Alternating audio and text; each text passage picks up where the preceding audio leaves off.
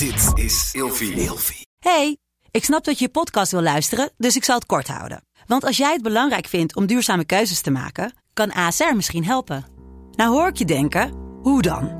Nou, bijvoorbeeld bij het duurzaam herstellen van schade. Of de premies die we beleggen volgens ons duurzaam beleggingsbeleid. Dat bepaalt waar we wel en juist niet in investeren. Wil je meer weten over welke duurzame keuzes ASR maakt? Ga dan naar asr.nl slash duurzame keuzes. ASR doet het. Zo, dan kan je nu lekker naar je podcast luisteren. Vroeger. Meneer de Munnik, we bespreken deze week het onderwerp Romeinse Rijk. En in deze aflevering hebben we altijd en vooral in de categorie Wist je dat?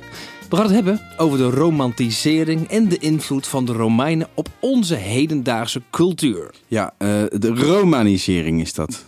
Romanisering. Het Oh. overnemen van de Romeinse cultuur heet Ik romanisering. dacht de romantisering. Ja, ja, je dacht natuurlijk dat ik een beetje slikdectisch was. Nou ja. Maar dat is niet zo.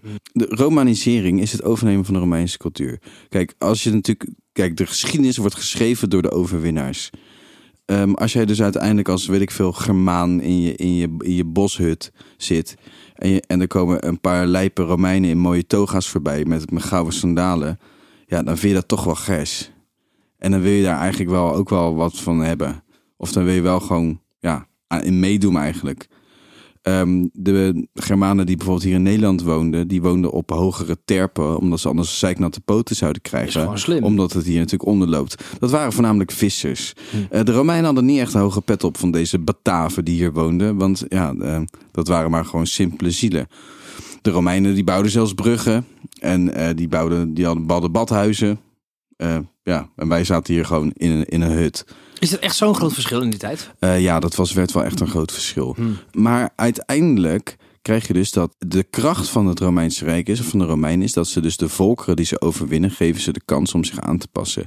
Ze mogen hun eigen goden behouden, maar als ze dus ook de Romeinse goden vereren en de Romeinse keizer als god vereren. En eh, ze moeten belasting betalen en ze moeten wat eh, zonen afstaan aan het leger. Maar dan mag je, ben je vervolgens gewoon een inwoner van het Romeinse Rijk. En is het een soort van blijheid, vrijheid. Klinkt helemaal niet gek. Nee, zeker niet. Dus je mag doen wat je wil. Je moet alleen zeggen, oké, Willem is ook onze koning. Het christendom is prima. Klaar. Klaar. En belasting betalen. Wel belasting Dat betalen. moeten wij ook. Ja. Ehm, wat er dus uiteindelijk gebeurt, is dus dat ja, iedereen neemt dat over. En de Romeinen zijn eigenlijk ja, super hip. En dat noemen we de romanisering. Romanisering. Omdat we allemaal iets van de Romeinen. Willen overnemen. Tot morgen. Vroeger.